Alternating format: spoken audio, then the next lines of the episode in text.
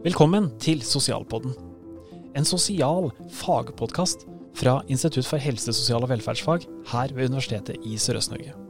Du vil bli kjent med noen av de temaene vi underviser i her ved vernepleier- og barnevernspedagogutdanningene, og du vil også høre noe fra de spennende eksterne foredragsholderne vi bruker. Så len deg tilbake og lær noe nytt. Så eh, da er det bare å hive seg ut i det. Og det vi skal eh, prate om i dag, det er videre nå i vår serie med episoder i Sosialpodden, der vi eh, lager episoder sammen med studenter som er ute i internasjonal praksis. Nå uh, er vi da ikke i Norge. Vi er i Emden, uh, på et uh, hotellrom. og det er med meg på hotellrommet så har jeg med to av våre vernepleierstudenter som har praksis her i Emden. Og dere skal prate litt om hva dere har lært her, hvor dere er på praksis.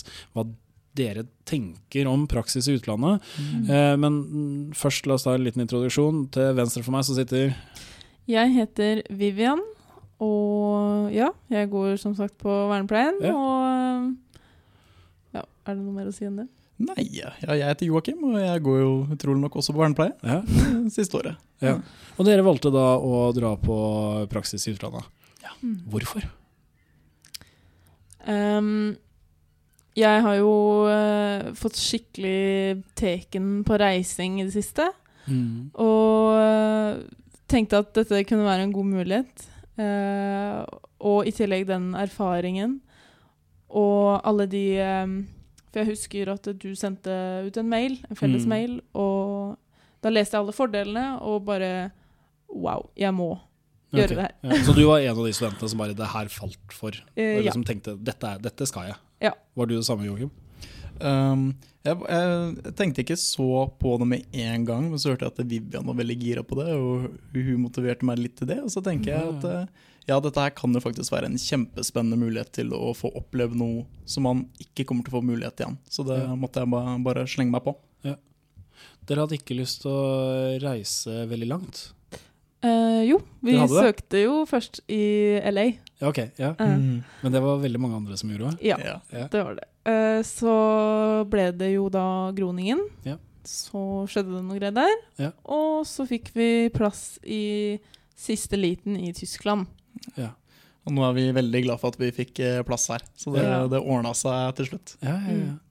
Nei, for det, det, er jo litt av den prosessen vi har eh, på universitetet. Når, når, vi har søkere, så, så, er det jo ikke alle plasser det er plass til uendelig mange studenter heller. Ja. Eh, og så er det jo også den tingen at det er ikke hver gang vi har muligheten til å sende til de samme plassene.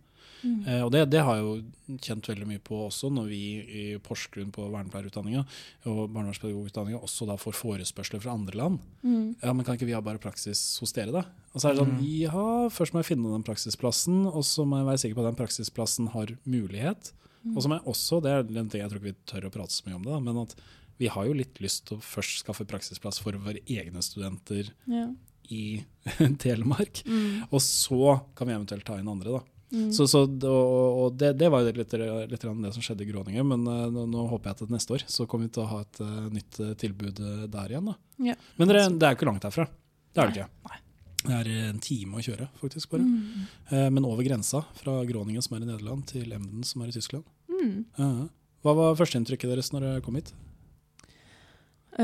mitt førsteinntrykk var at Jeg syns kanskje ikke det var så veldig fint her. Det var ikke så fint her, nei? nei. nei. Ja.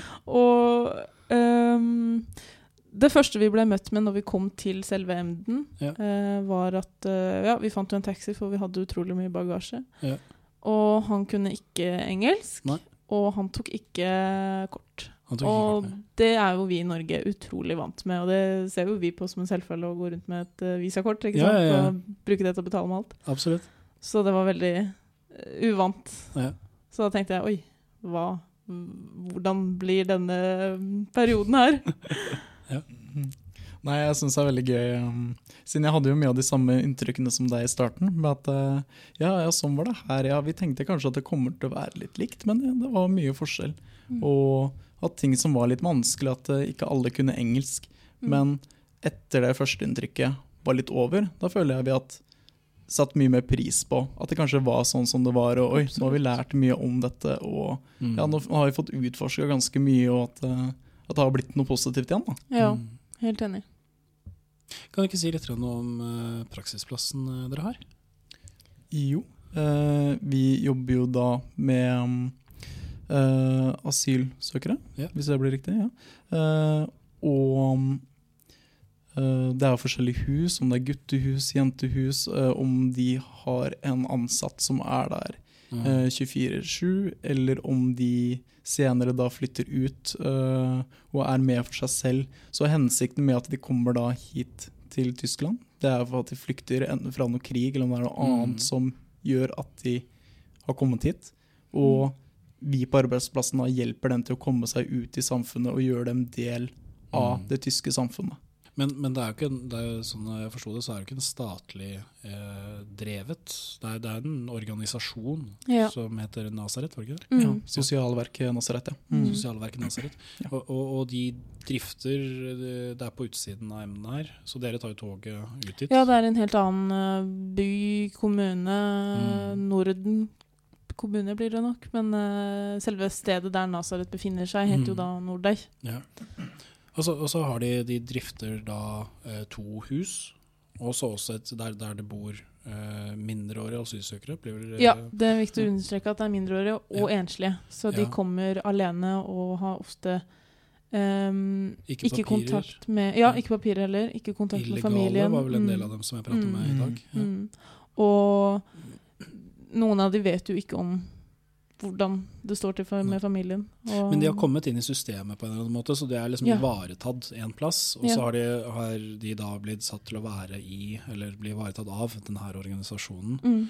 Eh, og de hadde kapasitet til sånn ca. 50, eh, 50 eh, Ja. Ja. ungdom Mm. eh, der. Så det er liksom størrelsen. Jeg tror bare sånn viktig sånn at vet at det, er ikke de, de store flyktningemottakene med 500 Mm. Mm. eh, mennesker som kommer inn der. Mm. Og, da, og, da, og da, da bodde de der i opptil tre år eller fire år, eller noe sånn gjennomsnittsalder, var det ikke det? Ja, det er eh, Det kommer jo litt an på når de kommer dit. Ja. eh, fordi eh, The Social Welfare, Welfare Office i Tyskland de, Mm.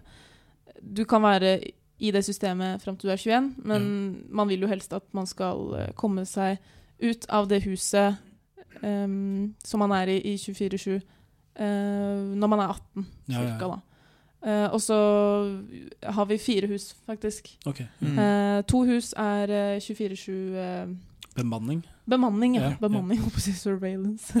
Men, eh, eh, og de to andre, det er eh, hvor det ikke er noen der i helgene, men det er i ukedagene fra sånn åtte til fem. Ja. Og så mesteparten av dagen i ukene, så er de jo på jobb eller skole, da. Ja, ja. Så der lærer de å bli mer selvstendige, og etter det så finner de seg egen bolig og Mm.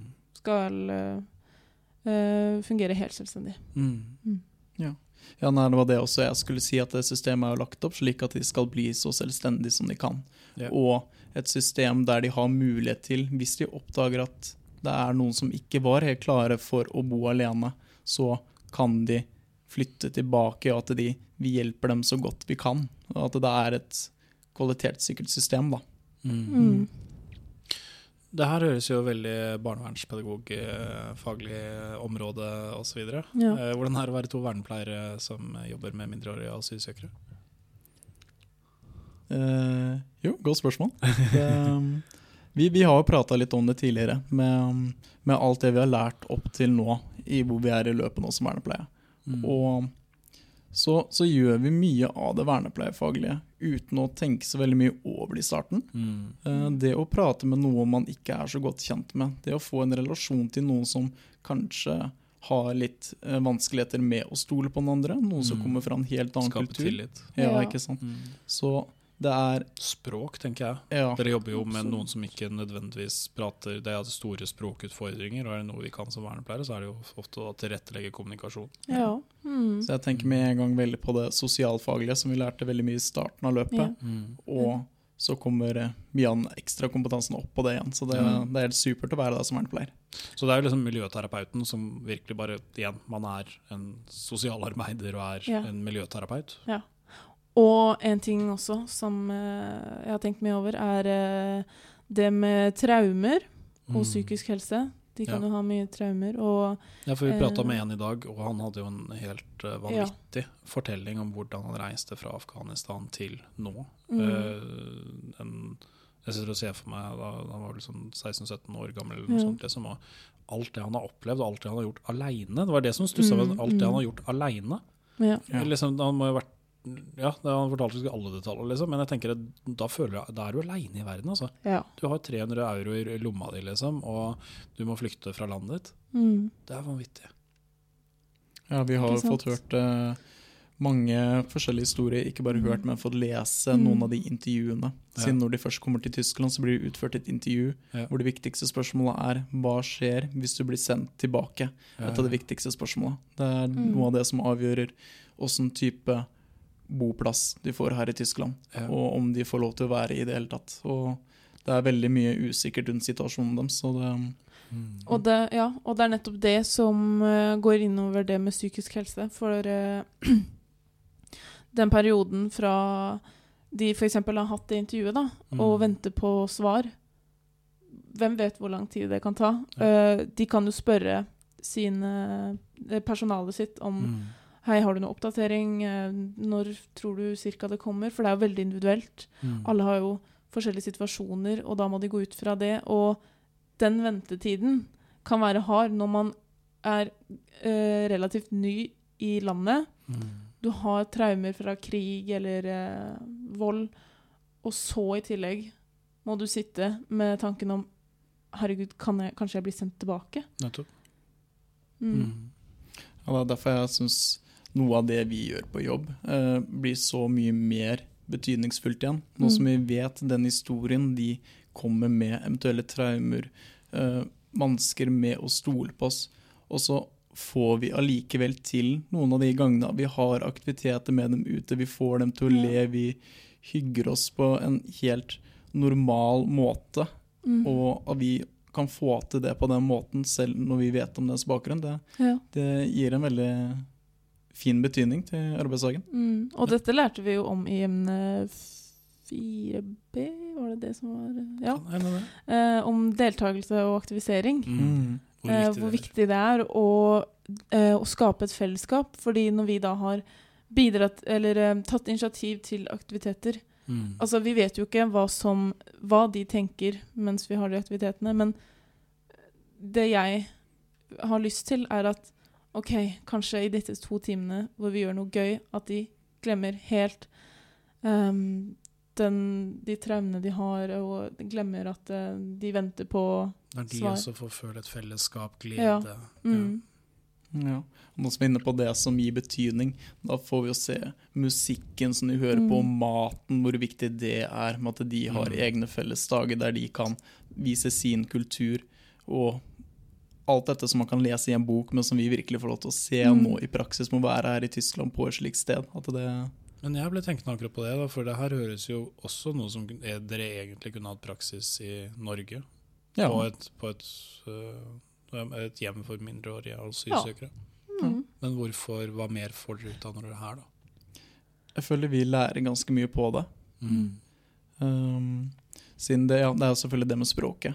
Mm. Men vi lærer jo veldig med hvordan vi kan løse problemet når det er en uh, språkbarriere. Ikke bare med ungdommene som vi jobber med, men også personalet. Hvordan vi kan jobbe som en gruppe Mm. med å Hvordan kan vi som i prinsippet ikke kan forstå hverandre, men hvordan kan vi stå sammen om en felles sak med å hjelpe ungdommene? Og Ja. det er veldig fint hvordan vi kommer frem til den løsninga. Mm. mm, Nei, for jeg tenkte på at Dere blir jo nå i hermetegn utsatt for det samme som en del av disse som dere nå gir tjenester til, faktisk opplever. Ja. Dere kjenner det på kroppen selv. Det å komme i et system der man ikke helt skjønner hvordan det er, og kredittkortet ditt funker ikke. Det her er jo helt annerledes, det er jo mye verre for noen som er asylsøkere, selvfølgelig. mm, Men dere får kjenne på en del av de her type tingene. Språkbarrierene, ikke Ja. forstå systemet, være mm. stressa for at man, man er ikke hjemme. Alle de her type ting. Dere får en liten smakebit på det. Ikke sant? Og det å, Nå begynte jeg å tenke på eh, en situasjon som eh, gjør på en måte at jeg kan føle meg eh, nærmere eh, disse ungdommene, og at de også kan føle seg nærmere meg, mm. er at de eh, som spesielt er ganske nye i landet og da sliter med å lære, lære seg tysk Ja. Jeg er akkurat helt lik. Ja, ja. Fordi jeg er kjempedårlig tysk, og vi sitter og bare sånn derre åh, Dere har jo noe felles. Schwer, ikke sant? Det er Ja, vanskelig. Og da har vi liksom den, det, fel, det fellestrekket, da. At eh, vi kan være oppgitt av hvor vanskelig det er. Bare at eh, for oss er det litt annerledes, for de må jo ta prøver på tysk og virkelig lære seg ordentlig. Mm. Men Ja, jeg er veldig enig med det du sier. Med, når de kommer hit, så er det de som blir sett på som de annerledelse, med at de ikke kan språket, at de ikke er kjent med kulturen. Men så kommer vi også, som er Ja. en av de ansatte som ikke kan språket, Ja. prøver oss, de kan le litt av oss og se. Mm. ja, ja, det, er, det er ikke så krise, egentlig. Mm. Men eh, dere, dere, det er jo litt utfordringen kanskje å diskutere med de andre faglige ansatte. Men dere har jo, eh, fikk jo hilse på veilederen deres i dag. Mm. Mm. Eh, Kan dere ikke si litt om han? Han er super. Han er super. Ja. Og der er det ikke noen språkbarrierer, for da Nei. går det på engelsk. Ja. ja. Han eh, er jo fra Kamerun og snakker tre språk. ja. Og det, han er helt Han er så dyktig faglig, og disse veiledningstimene vi har sammen, er så utrolig lærerike. Mm. Og eh, ofte når jeg har faglige samtaler med de andre kollegaene yeah. som ikke snakker like bra engelsk, yeah. så kan vi prøve så godt vi kan. Og hvis jeg ikke fikk det svaret eller den refleksjonen som jeg håpa på, så kan jeg skrive det ned og ta det med videre til Atom, veilederen vår. da. Ja, ja. Og da kan vi diskutere det videre. Så får man, da får man jo også høre det fra flere, vinkler. Ah. Fra de som er ute i feltet. Og, og Atom er jo ute i feltet nå, men han fungerer jo som en slags sjef Ja. nå for tida. Mm. Mm. Utover praksisplassen, hvordan er det liksom å være her og, og oppleve eh, Tyskland? Området rundt her? Um, vi jobber jo fra mandag til torsdag, samt en studiedag i uka. Så når vi er i praksis, så er vi ganske slitne når vi kommer hjem. Når vi står opp rundt halv sju, så er vi hjemme ved 60. Um, så da, det gjør det jo litt ekstra spesielt når vi har litt energi, og, og når vi kan dra og utforske. Så det er jo, Mm. selv om det er ganske mye likt, så er det selv veldig spennende å bare se noe annet òg. Mm. Og det er også gøy å blande inn dette her da i praksisen. At vi kan faktisk dra på kino med ungdommene, kan gå på gokart. Selvfølgelig. Ja, Det så er jo kjempegøy. ja. Jeg føler føler vi har blitt eh, Eller vi har jo ikke fått så mye relasjoner med folk som bor her, f.eks. Vi, har jo- vi henger jo med disse ungdommene på fritida vår òg. Ja, ja, ja. Fordi de er helt eh, rå, liksom. Mm. Drar de til helga for å bli Ja. med på disse her tingene, og det, det er jo bare en glede å bli med på. Så det er jo vi, ja, vi får så god relasjon til dem. Mm. Spagettis. Ja. Ja. Mat. ja, vi har prata mye om den maten. Det, det, er jo kjempegøy, det. Ja, for dere er litt sånn foodies. Ja. Ja. Så det er jo også det å reise en annen plass, Mm. eh, utforske mat, matkulturer. Mm. Eh, Jeg har sett for første gang i mitt liv spagettiis. Ja. Jeg glemte å smake, ikke noe skulle smake på det. Eh, Det er jo én ting. Eh, Reise. Dere Ja. driver og reiser litt også i helgene. Mm. Nå har vi vært i uh, Cologne. eh, og denne helga så skal vi til Berlin. Mm. Vi har vært eh, i Praha. Vi skal til Paris. Vi skal til Brussel. Og alt er med tog. Stilig. Men Det som er veldig gøy nå, nå som vi allerede er ute på tur, og det er allerede lagt inn ekstra tid så vi kan få gjort det, Mm. så det, det, det er nå vi føler vi må bare gripe sjansen og gunne på. Mm. Det det er så stilig. Tusen takk for at dere har eh, delt eh, erfaringene deres fra emnene i Tyskland. Tusen takk for at vi eh, fikk dele vår erfaring.